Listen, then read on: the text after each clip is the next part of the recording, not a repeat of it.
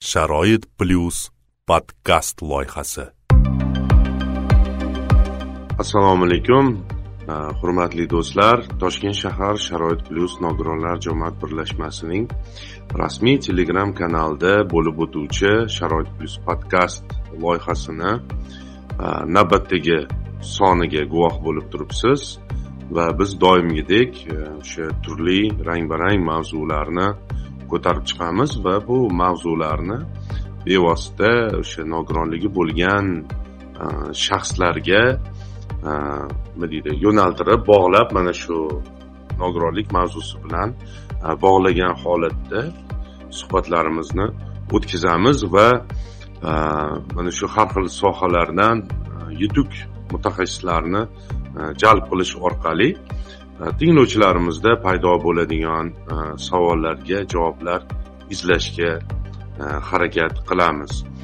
E, xabarimiz bor ko'pchiligimizni mana shu kunlarda ayollarga nisbatan zo'ravonlikka qarshi kurash kunlari bo'lib o'tyapti va biz ham mana shu tashabbusga bevosita qo'shilgan holatda Э, nogironligi bo'lgan e, ayollarga nisbatan e, zo'ravonlikka qarshi e, kurash kompaniyasini ochdik va bugungi mana shu sharoit plyus podkast loyihasida suhbatlashish uchun va bizni qiziqtirgan savollarga javob olish uchun tegishli yo'nalishdagi mutaxassisni taklif etganmiz tanishtiraman.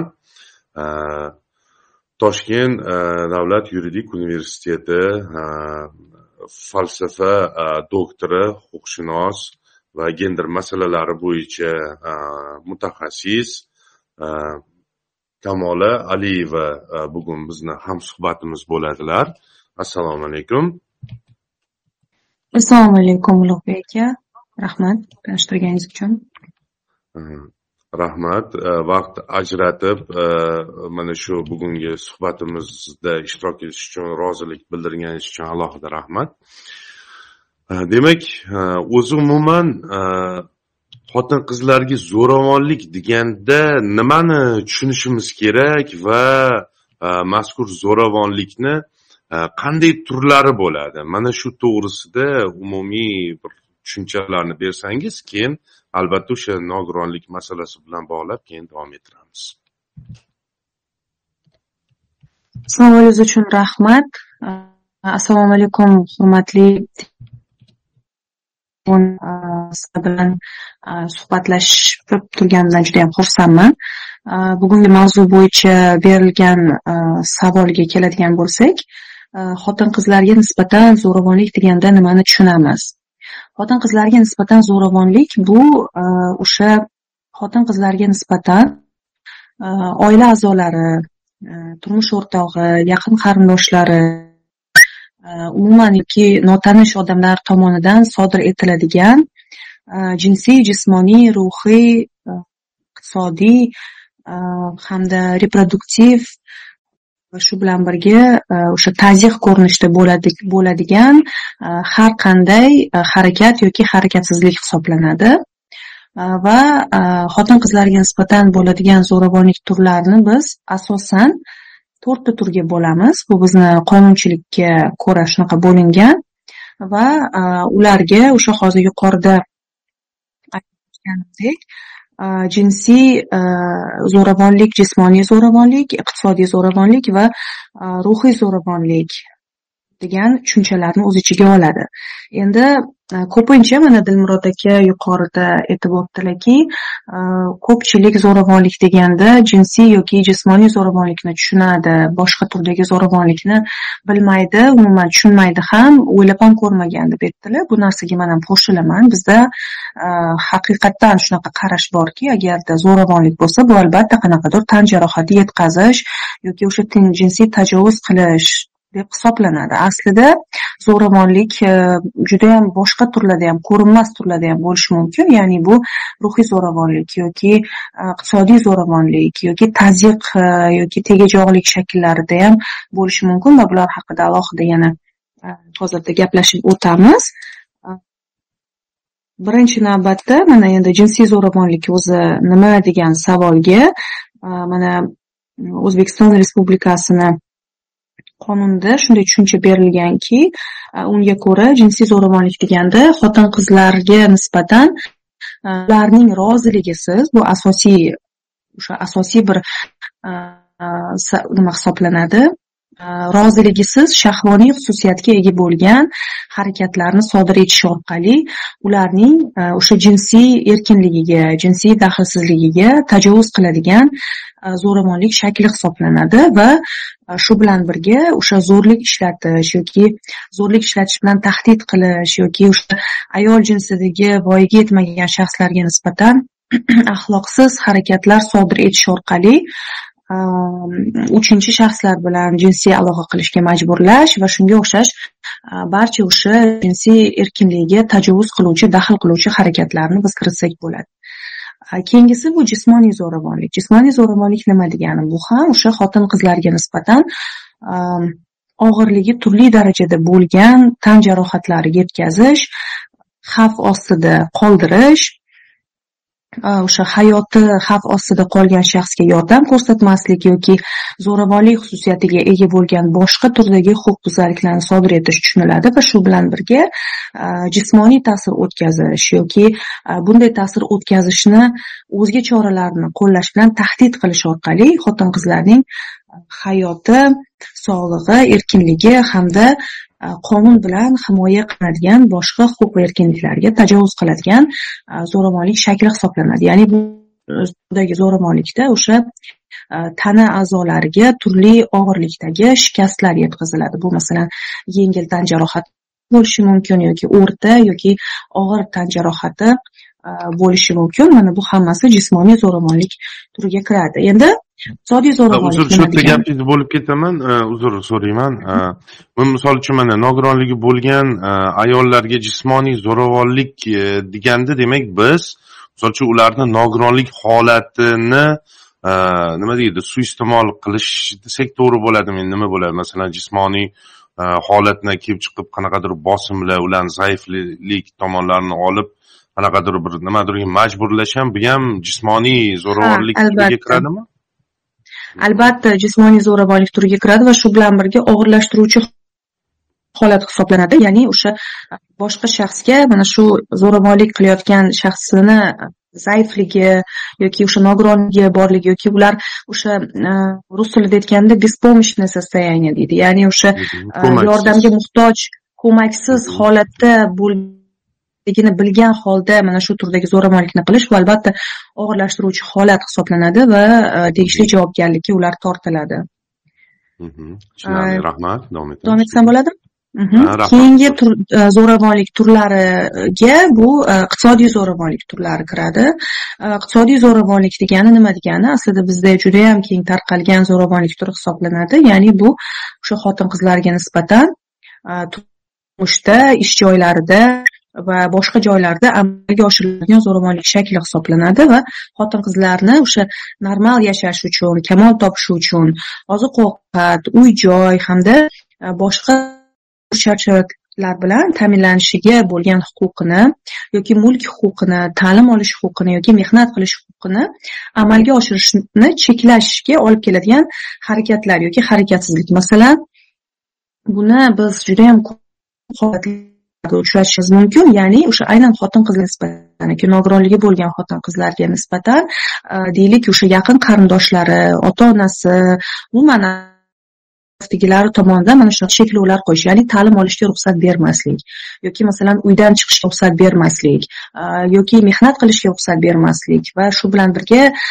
ba'zi holatlarda mana shu ularni normal shart sharoitda yashash uchun fundamental shu ba'zi kerak bo'ladigan shu e, deylik oziq ovqat uy joy zarur shart sharoitlardan mosuvo qilish bular hammasi iqtisodiy zo'ravonlik turi hisoblanadi va afsuski iqtisodiy zo'ravonlik keng tarqalganligi bu e, buni ko'pchilik tushunmaydi anglamaydi. E, buni normal holat deb qaraydiganlar ham ko'p chunki bizda bilamiz o'sha e, iqtisodiy nuqtai nazardan qo'llab o'sha ta'minlaydigan inson erkak hisoblanadi. Aslida oilalarda ham ota yoki er yoki umuman o'sha erkak zoti erkak jinsiga mansub shaxslar hisoblanadi va ular e, shu orqali judayam ko'p e, o'zini yaqinlarini ayollarini qizlarini umuman xotinini deylik ko'p qanaqadir e, bosim e, kontrol ostiga olishadi nazorat qilishadi va e, o'sha qandaydir huquqlardan mahrum qilishadi va bu turdagi zo'ravonlik aslida o'sha eng zo'ravonlikni ichida eng shu og'ir zo'ravonlik turlaridan biri desa bo'ladi.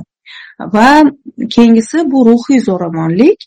Ruhiy zo'ravonlik bu ham keng tarqalgan zo'ravonlik turlaridan biri va ruhiy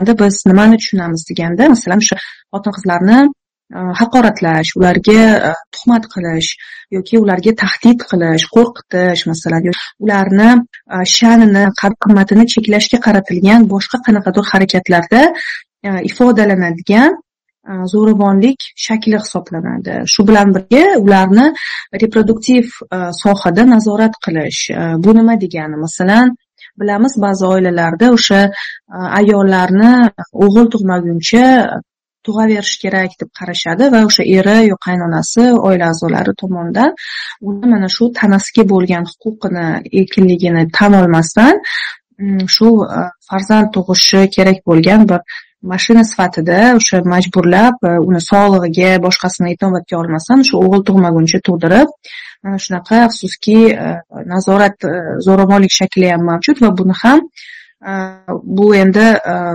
bosim nazorat ostida qolishini ruhiy zo'ravonlik deydigan bo'lsak lekin aynan shu reproduktiv nuqtai nazardan ularni doimiy nazorat qilib majburlash tug'ishga majburlash va boshqa qilish bu reproduktiv yo'nalishdagi zo'ravonlik turi ham desak bo'ladi. Va tazyiq zo'ravonlikdan jabrlanuvchida o'sha o'zini xavfsizligi uchun xavotir uyg'otadigan doimiy bir qanaqadir qo'rquvda o'zini his qilishga majbur qiladigan yoki o'zini himoya qila olmaslikka olib keladigan va ruhiy sog'lig'iga zarar yetkazadigan harakat yoki harakatsizlik hisoblanadi. Ruhiy zo'ravonlik ham judayam og'ir bir oqibatlarga ham olib kelishi mumkin. Masalan jonga qasd qilish oqibatiga olib kelishi mumkin. Agar vaqtida yordam berilmasa. Rahmat kattakon mana hozir bir jihatga urg'u berib ketdingiz. Ma'lumotlar berish jarayonida og'irlashtiradi javobgarlikni deyapsiz. Misol uchun nogironligi bo'lsa ayolni o'sha jabrlanuvchi deylik. Endi jabrlanuvchi deyiladi to'g'rimi qonun tilida baribir bu? Ha shunday. Yo'nalishda ham. Misol uchun jabrlanuvchini nogironligi ayniqsa bo'ladigan bo'lsa bu yana ham og'irlashtiruvchi holat deyapsiz.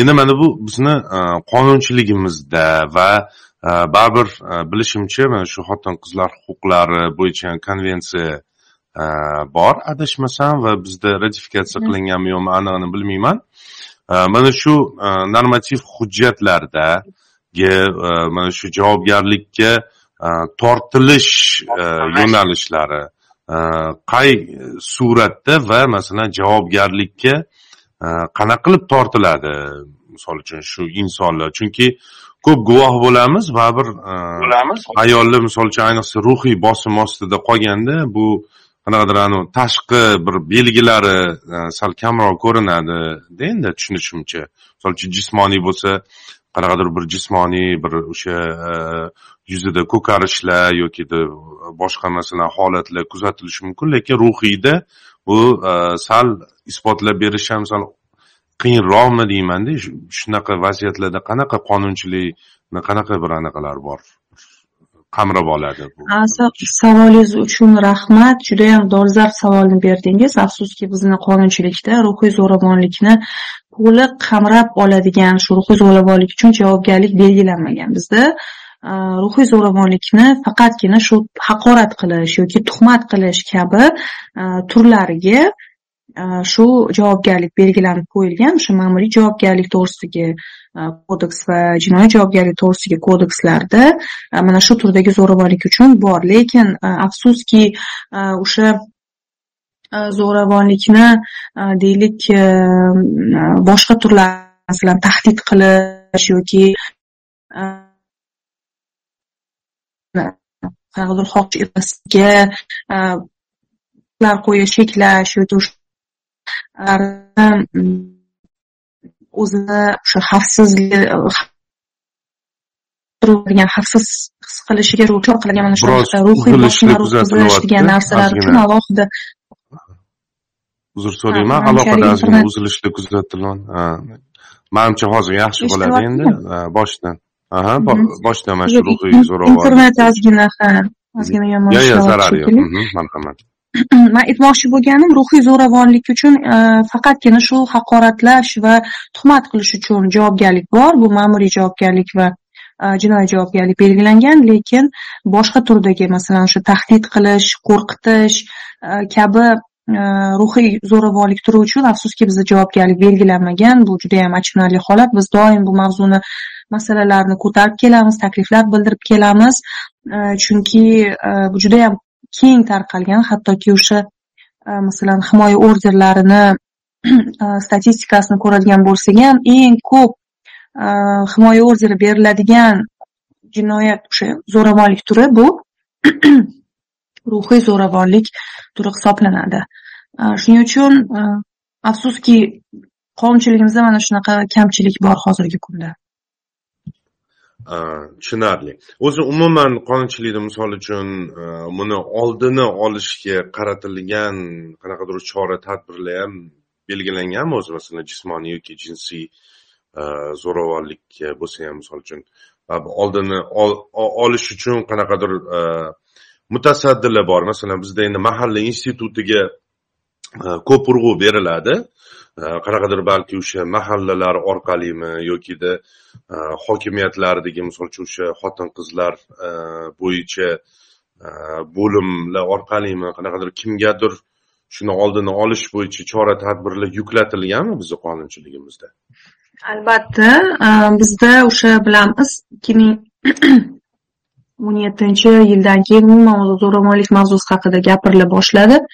Va zo'ravonlik e, muammosi tan olina boshladi va shu bilan birga o'sha ularni e, mana shu zo'ravonlikka qarshi kurashish bo'yicha bir qator shu institutsional e, o'sha o'zgarishlar qonunchilikda o'zgarishlar bo'ldi. Birinchi navbatda bizda o'sha xotin qizlarni huquqlarini ta'minlash gender tengligi va oila masalalari bo'yicha respublika komissiyasi tashkil qilingan senat raisi boshchiligida.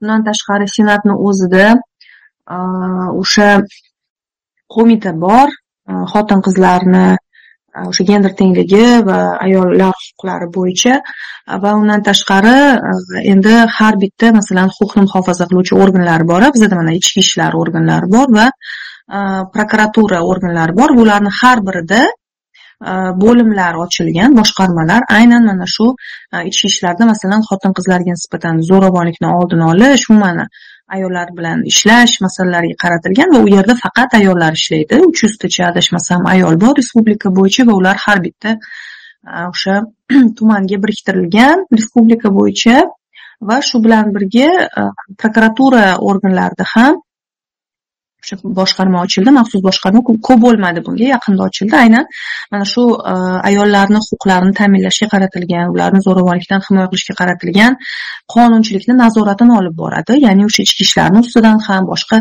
e, o'sha shug'ullanishi kerak bo'lgan tashkilotlar ustidan ham nazorat olib boradi. Shu bilan birga xotin qizlar qo'mitasi o'z faoliyatini boshladi qaytadan.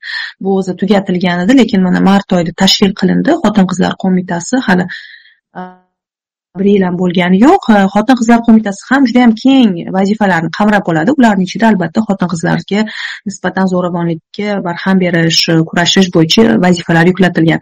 Endi agar mahalliy darajaga keladigan bo'lsak mana xotin qizlar qo'mitasini o'zini olsak xotin qizlar qo'mitasini e, respublika bo'ylab o'sha har bitta tumanda o'zini vakillari boshqarmalari bor. Shu bilan birga o'sha har bir boshqarma boshlig'i tumandagi viloyatdagi ular hammasi hokim o'rinbosarlariga tenglashtirilgan lavozim bo'yicha.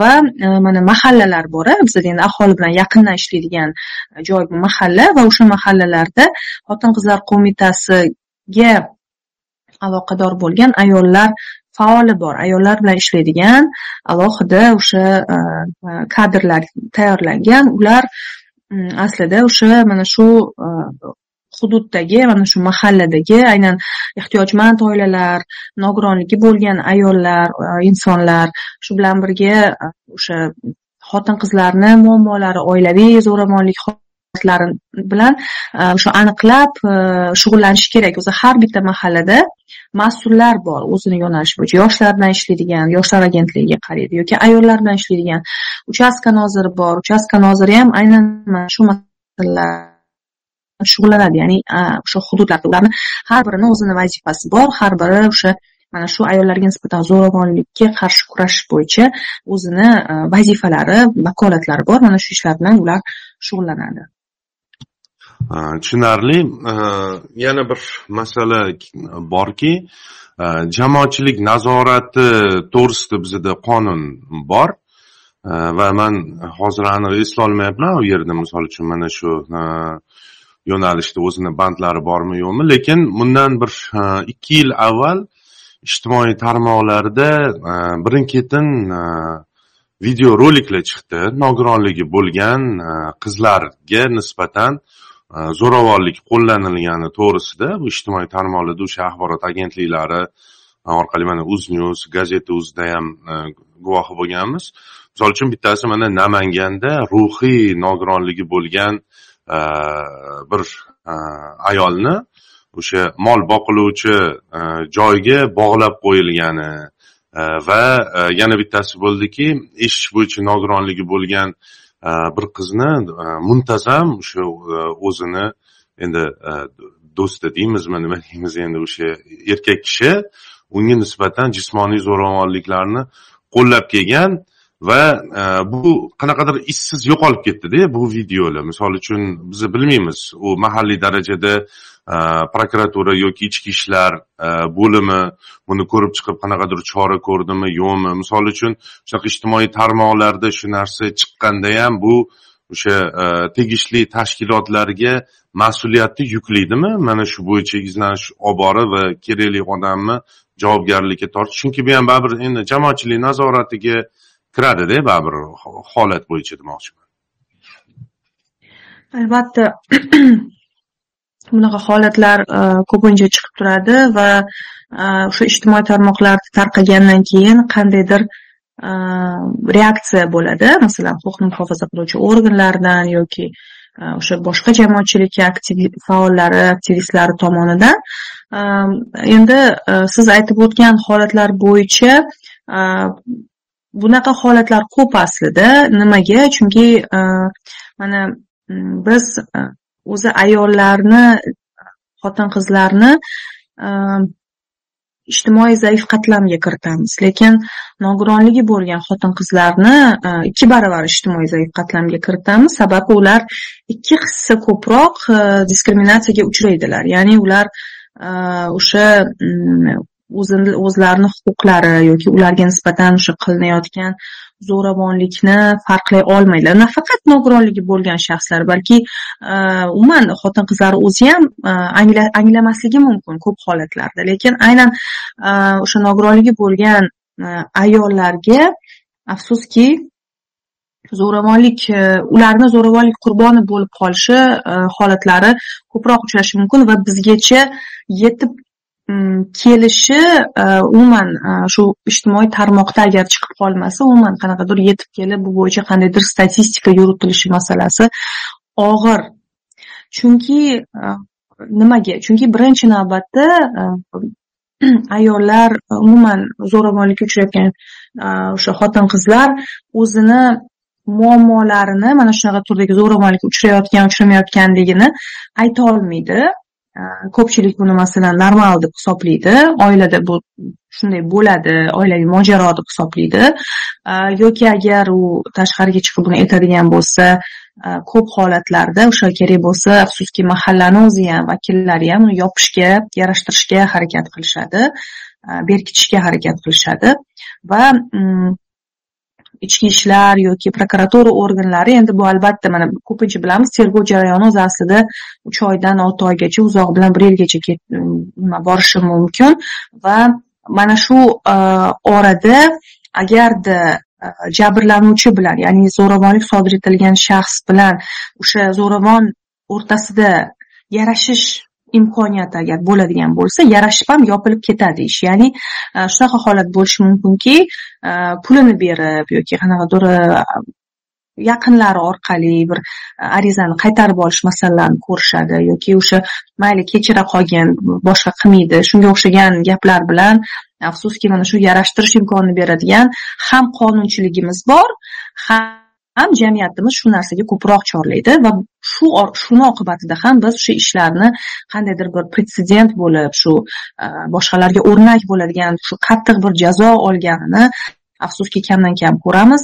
E, bu judayam yomon bu judayam bir xavotirli masala chunki bu narsa bizni jamiyatimizda o'sha zo'ravonlikni normal qabul qilish zo'ravonlik madaniyatini rivojlanishiga va shakllanishiga e, judayam katta bir rol o'ynaydigan hodisa hisoblanadi bu jamoatchilik nazorati albatta juda muhim. Buning uchun o'sha nodavlat notijorat tashkiloti vakillari ayollar huquqlari masalalarida ishlaydigan tashkilotlar shu bilan birga mana sukut saqlama немолчи uz degan e, informatsion o'sha nima bor sayt bor e, telegram kanallar bor anonim e, murojaatlarni chiqaradigan shu tegishli davlat organlari umuman doim qarab turishadi. Shu bilan birga faollar bor ayollar huquqi bo'yicha shug'ullanadigan. Masalan o'zbek segmentida aqida xonum ko'plab shu mana shu masalalarni olib chiqadi yordam beradi qo'ldan kelganicha. Ular albatta buni nima qilishadi? Jamoatchilik birgalashib agarda nazoratni qo'liga oladigan bo'lsa doimiy bu narsani eslatib doimiy gapiradigan bo'lsa nazarimda o'sha tegishli davlat organlari ham o'zini mas'uliyatini sezadi deb o'ylayman. Chunki hozir hamma narsa bilasizlar internet ijtimoiy tarmoqlar orqali hal qilinyapti. Agar kimdirga ahamiyat berilmayotgan bo'lsa bitta internetga chiqarib o'sha tegishli blogerlar deymizmi jurnalistlargami chiqarib mana shu ma'lumot berilgandan keyin birpasda hamma harakatga kelib shu masalalarni yechishga harakat qiladi. Aslida agar mexanizm yaxshi ishlasa o'sha himoya mexanizmi yaxshi ishlasa bunga ham hojat bo'lmagan bo'lardi deb o'ylayman. Tushunarli. Kattakon rahmat ma'lumotlar uchun. Endi mana shu podkastga tayyorgarlik ko'rish jarayonida mm, ayrim bir statistikalarni o'qib ko'rdim. Xotin qizlarga aloqador. Man yana qaytarib o'taman. Bu yo'nalish to'g'risini aytsam man uchun judayam notanish edi. Shu vaqtgacha lekin mana shu podkast bahonasida o'zim ham tegishli mana shu sohada dunyoqarashimni kengaytiryapman alohida rahmat buning uchun ham. Endi statistika borki o'zbekistonda yashovchi xotin qizlarni o'rtacha oltmish bir foizi uyali telefon ishlatar ekan. Bu degani misol uchun o'sha e, o'ttiz to'qqiz foiz ayollar misol uchun e, uyda zug'um ostida qolgan vaqtda yoki bir joyda misol uchun e, zug'um ostida o'sha zo'ravonlikka uchragan holatda Э, masofaviy bir murojaat yuborish imkoniyatidan mahrum hmm, deganida baribir endi qiyosiy oladigan bo'lsak. Lekin shunda ham baribir mana yuqorida bir qancha tashkilotlarni o'sha sanab o'tdingiz va e, bevosita e, mexanizmlar to'g'risida savollar tug'iladi bizda. E, qaysi mexanizmlar bilan ular ularni mana shu zo'ravonlik dan e, qutqarishi mumkin. Mana e, ko'p eshitganmiz lekin e, batafsil bilmaymiz. Misol uchun o'sha himoya orderimi degan bir tushuncha bor. Misol uchun zo'ravonlikdan himoya orderi bo'yicha aynan o'sha mexanizmlar va xususan mana shu order olish bo'yicha nimalar qilish kerak qayerga murojaat qilish kerak E, ayollar. Va masalan shunaqa bo'lishi mumkin chekka hududlarda e, o'sha huquq e, himoya qiluvchi tashkilotlarda ham o'sha korrupsion bir ta'sirli ostida misol uchun ular orderini o'sha o'zini tumani orqali ololmasligi mumkin. Umuman mana shu yo'nalishda oxirigacha borish uchun qanaqa o'zingizni mana tavsiyalaringizni bera olasiz huquqshunos sifatida? Himoya orderlari haqida yaxshi mavzuni ochdingiz. Himoya orderlari aslida o'sha xotin qizlarga nisbatan zo'ravonlikka bir mm, javob sifatida deylik e, qanaqadir bir himoya vositasi sifatida shu xorijiy e, mamlakatlarni o'sha xorijiy tajribani o'rgangan holda bizga kirib kelgan kirib kelayotgan bir e, amaliyot hisoblanadi. Himoya orderlari aslida kim tomonidan beriladi qanday beriladi va qaysi holatlarda beriladi deganda uni o'ziga yarasha tartibi bor. Bu birinchi navbatda e, o'sha himoya orderi kimga beriladi deganda tazyiq va zo'ravonlik qurbonining e, murojaati asosida beriladi. Shu bilan birga o'sha e, biror bir o'sha qo'shnilar deymizmi qarindoshlar yoki o'sha mahalladagilar yoki o'sha ommaviy axborot vositalari ijtimoiy tarmoqlar orqali tarqalgan xabarlarga ko'ra ham himoya o'ziri berilishi mumkin. Bu qonunchilikda shunday yozilgan yoki tazyiq va zo'ravonlik sodir etish yoki o'shani sodir etishga urinish holatlarini shu vakolatli organlar yoki tashkilotlar xodimlari tomonidan bevosita aniqlanishi masalan endi nogironligi bo'lgan xotin qizlar haqida gapiradigan bo'lsak ularda doimo Э, o'zini uydan chiqish э, agarda zo'ravonlikka uchrayotgan bo'lsa o'sha aytganingizdek qanaqadir aloqa vositasiga ega bo'lmasligi mumkin. Lekin bu yerda kim yordamga kelishi kerak kim uni aniqlashi kerak deganda o'sha e, mahallada o'tiradigan o'sha yuqorida aytib o'tgan faollar ayollar masalalari bo'yicha Э, yoshlar masalasi bo'yicha o'sha rais bor u yerda uchastka noziri bor. Bular hammasi doimiy ravishda har bir oilaga kirib borish kerak. Mana ko'p gapirishadi. Mahalla bay oila bay xonadon bay degan gaplarni gapirishadi. Ularni vazifasi shu har bir oilada har bir o'sha o'sha mahalla hududidagi har bir xonadonda ehm, deylik e, qancha oila Э, o'sha nogironligi э, bor э, shaxslar bor bo'lgan oilalar nechta va deylik o'sha e, oilalarda muhit qanday?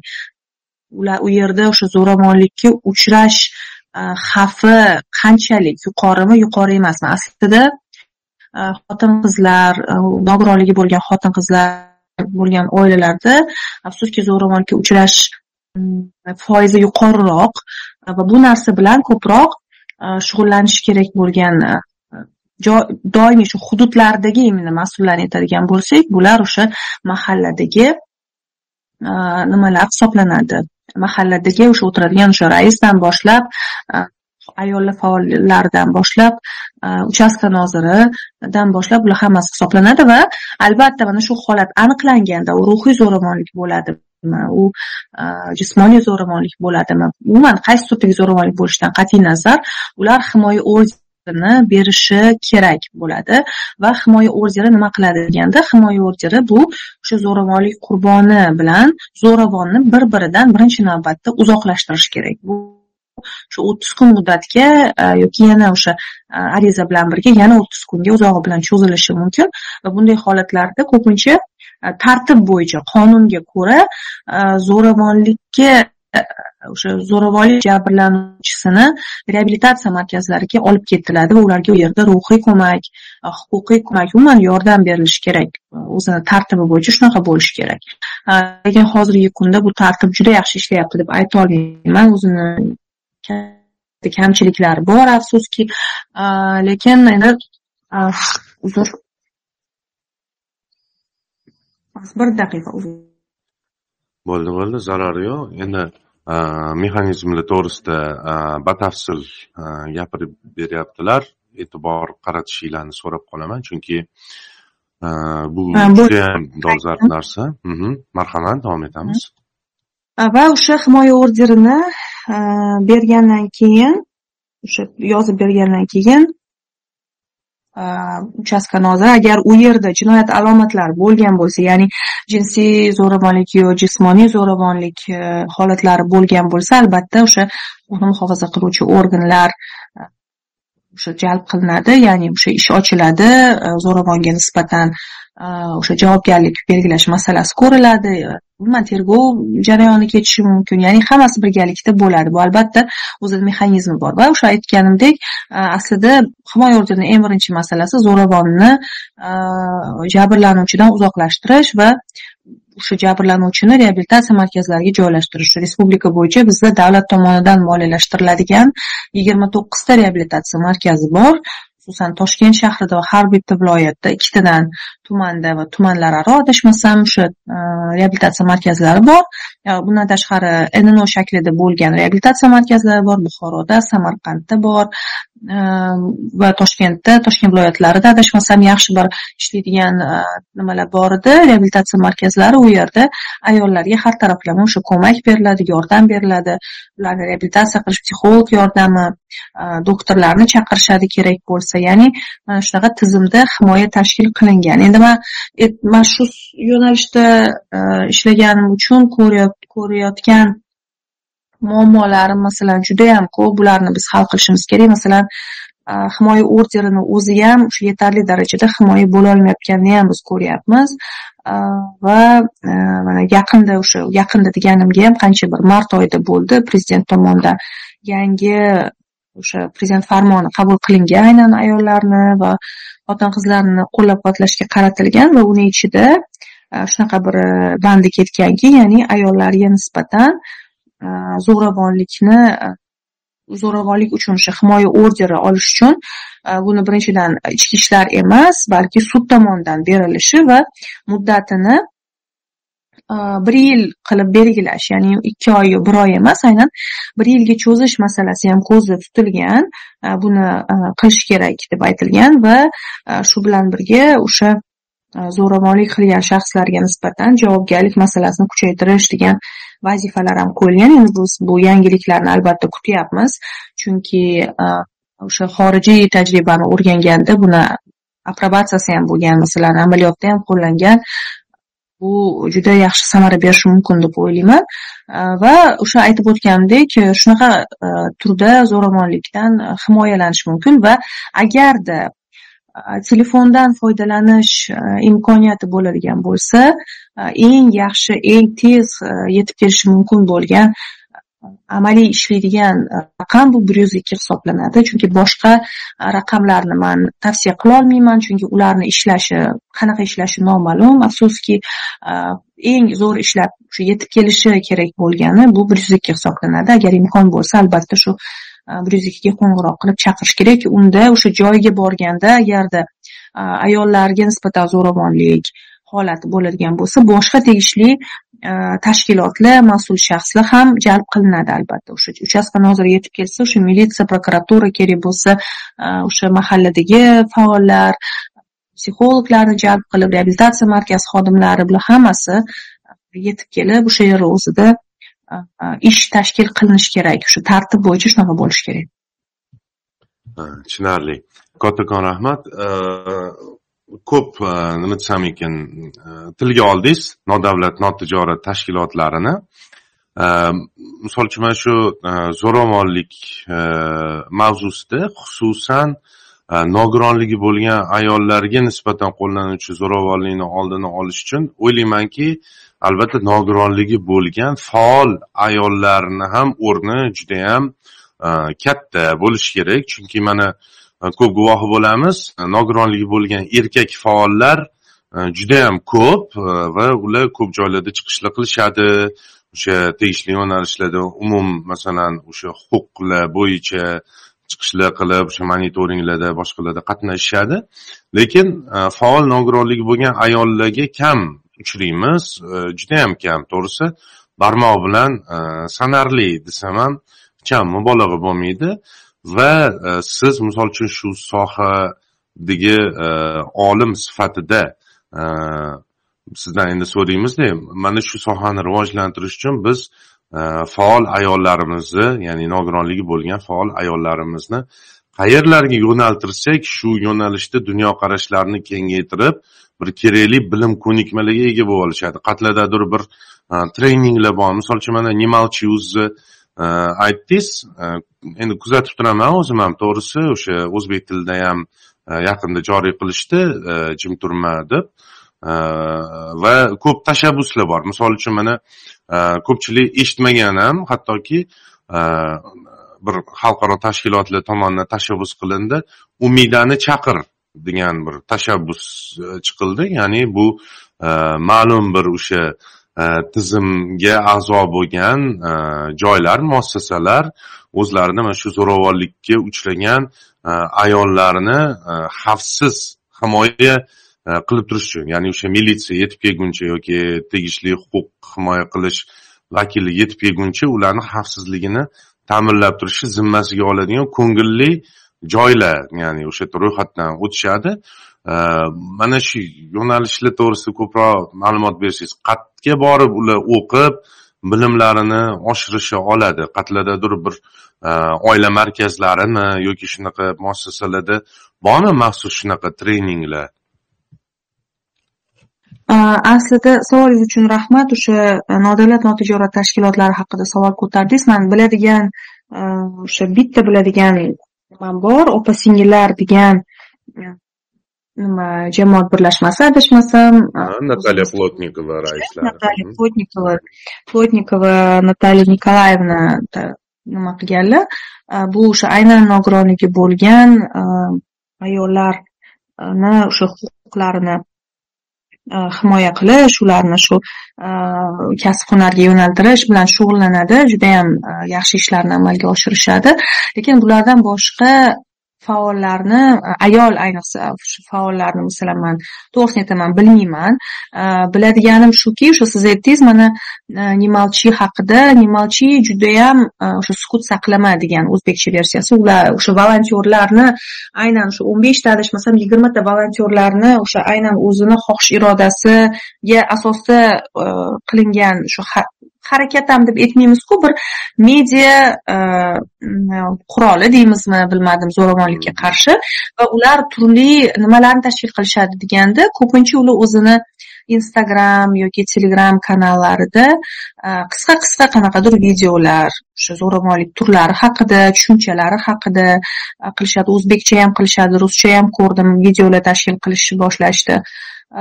Qanaqadir vebinar yoki Э, bir zoomda qanaqadir e, video onlayn e, psixologlar bilan e, uchrashuvlar tashkil qilishganini ko'p o'zim ko'rganman o'zim ham qatnashib ko'rgandim. Yoki bir joylarda uchrashuvlar ham tashkil qilishadi ya'ni har xil turda amalga oshiriladi va siz aytib o'tgan o'sha aynan umidani chaqiring degan kompaniya mana shu tashabbus haqida ham aytib ketsam aynan bu ko'chada sodir bo'ladigan tegajog'lik yoki zo'ravonlikka qarshi E, qilingan bir mm, kompaniya hisoblanadi. Buni asosiy e, boshlagan tashkilot aslida bu birlashgan millatlar e, taraqqiyot dasturi bmtd tashkiloti hisoblanadi va unga qo'shilganlar bu o'sha eng nima qiladigani o'zbekistondagi bor yo'q xususiy sektor vakillari universitetlar o'sha ko'ngilli ravishda mana shu umidani chaqiring degan nimaga qo'shilib ular zo'ravonlikka uchragan uchrayotgan yoki shu shuni xavf ostida bo'lgan murojaat qilganlarga nima xavfsiz joy berishadi va ularga o'sha yordam ko'rsatishadi ya'ni qanaqa yordam o'sha yoki o'sha ichki ishlarni chaqirib yoki e, yordam yoki qarindosh urug'larga qo'ng'iroq qilib yordam berib mana shu turdagi e, yordamni ko'rsatishadi va u yerga kirganda ularni o'sha har birini e, eshigida mana shu umidani chaqiring degan belgi turadi va shu orqali ayollar bilishi mumkinki Э, o'sha ayol kishi shu e, yerga kirib umidani chaqiring degan parolni ishlatsa e, unga xavfsiz joy taqdim qilinishini chunki o'sha yerdagi xodimlar hammasi mana shu holatlarda qanday o'zini tutish kerakligi bo'yicha e, o'qitilgan bo'ladi. Va qayerdan mana shu kurslarni olish mumkin degan savol berdingiz? Endi bu aytganimdek bu kurslar bir alohida balkim biror bir donor tashkilotlar tomonidan tashkil qilinishi mumkin. Biror bir ekspertlarni jalb qilgan holda e, va e, balkim qaysidir o'zini kanallarida e'lon berib e, o'sha qatnashchilarni o'ziga tanlashi mumkin. Lekin aynan o'sha masalan onlayn qatnashmoqchi bo'lgandir bepul qanaqadir kurslar deganimizda yoki o'sha treninglar deganda yoki qandaydir master klasslarmi seminarlar deganda mana shu nemalchi sukut saqlamani telegram kanalini yoki instagramini Э, ko'proq kuzatib turish kerak deb o'ylayman. Bundan tashqari ham turli xil e, qanaqa shunga o'xshagan publiklar paydo bo'lgan va ular e, ko'proq endi internetda instagramda o'zim shu instagramda ko'p ko'raman. Masalan sening mening haqqimiz degan e, bir shunaqa nima bor ular ham turli xil faollarni jalb qilib har xil video bir uchrashuv muhokamalar ham qilishdi qilishni boshlashdi. Lekin tizimli ravishda biror bir doimiy shunaqa sizlar masalan sizlarga o'xshab podkastlar qilib yordam berayotgan nimalarni unaqacha bilmayman to'g'risini aytganda.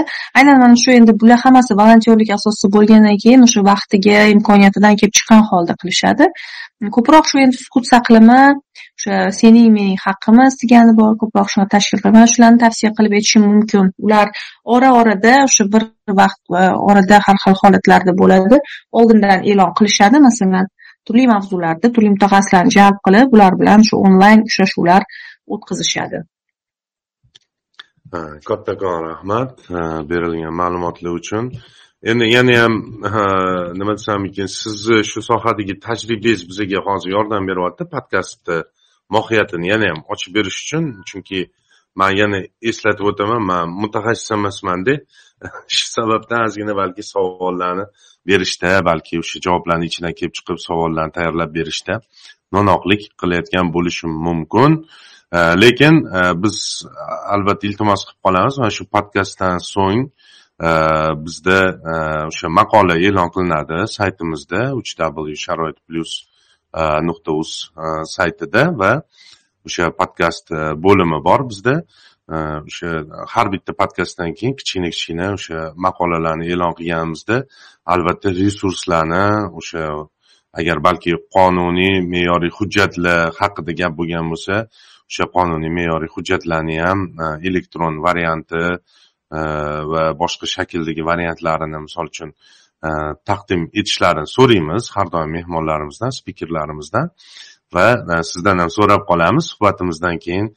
E, siz bilan alohida e, bog'lanib mana shu yo'nalishdagi balki o'sha nima uchun kerakli o'sha verifitsirованный deydi ishonchli linklarini hammasini sizdan albatta tasdiqlatib olib bizni tinglovchilarimizga yo'naltirishga harakat qilamiz. Bugunchalik manimcha Э, savollarimiz tugadi lekin e, o'ylaymanki bu judayam ko'p o'rganiladigan soha. E, shuni tushunib boryapman va e, biz ham endi alohida e'tibor qaratishni boshlashimiz kerakligini tushunib yetyapmanki shu nogironligi bo'lgan ayollarni faollikka undashga ularga kerakli yo'nalish berishga qo'llab quvvatlashga va o'sha siz kabi mutaxassislar bilan tanishtirib mana shunaqa nogironligi bo'lgan faol ayollar qancha ko'p bo'lsa e, nogironligi bo'lgan o'sha ayollarni zo'ravonlikka uchrash holatlarini oldini olish yoki uchragan holatlarda ularga yordam berish e, sohasi tizimli e, rivojlanishi kerak deb o'ylab turibmiz. Bugungi podkastimiz o'z nihoyasiga yetyapti va bugungi mehmonimiz kamola aliyeva bo'ldilar. Suhbatimiz so'ngida sizdan o'sha tinglovchilarimizga xususan nogironligi bo'lgan mana opa singillarimizga e, qalbingizdagi o'sha niyatlaringiz tilaklaringiz bo'lsa bildirib qo'yishingizni iltimos qilamiz. Marhamat. Ulug'bek rahmat kattakon. E, umuman bugun mana shu podkastni kirib eshitgan e, barcha ishtirokchilarga o'z minnatdorchiligimni bildiraman. Sizlarga shu dolzarb mavzuda Э, shu podkast tashkil qilganinglar uchun ham katta rahmat va albatta э, nima tilagim bor? Э, qo'shilaman ulug'bek akani gaplarigaki har bir o'sha nogironligi bo'lgan ayol e, albatta e, faollikka harakat qilish kerak. E, faol bo'lib o'z huquqlari uchun kurashish kerak. Chunki agarda biz o'zimizni huquqimiz uchun kurashmaydigan bo'lsak hech kim bizga bu huquqlarni berib qo'ymaydi. Bor huquqlarimizni ham talab qilib olishimiz kerak. Hozirgi kunda shuning uchun barchangizga birinchi navbatda kuch quvvat sabr shu mana shu o'z nima desam ekan o'zinglarni maqsadga erishish uchun e, matonat e, tilab qolgan bo'lardim va albatta hech qachon e, zo'ravonlikka sukut saqlamaslikni hech qachon zo'ravonlikka sabr qilmaslikni toqat qilmaslikni tilab qolgan bo'lardim. Doim bu haqida gapirib doim o'z huquqlari uchun kurashib va o'sha faollikni oshirishni tilab qolgan bo'lardim. Katta rahmat. Rahmat kattakon o'zingizni o'sha qimmatli vaqtingizni ayamasdan ishtirok etganingiz uchun va o'ylaymizki bugungi podkastimiz bir qancha shu opa singillarimizni ilhomlantiradi va siz faoliyat ko'rsatayotgan mana shu yo'nalishda nogironligi bo'lgan opa singillarimiz ham talaygina bo'lib qolishadi. Endi o'zimizga o'zimiz shunaqa bir niyat qilib orzu qilib qo'yamiz endi. Shuning uchun kattakon rahmat. Hurmatli tinglovchilar bugun shu o'zbekistonda e, tashabbus e'lon qilingan e, ayollarga nisbatan e, zo'ravonlikka qarshi kurash kunlari bo'lib o'tyapti. Bilishimcha o'ninchi dekabrgacha bo'ladi.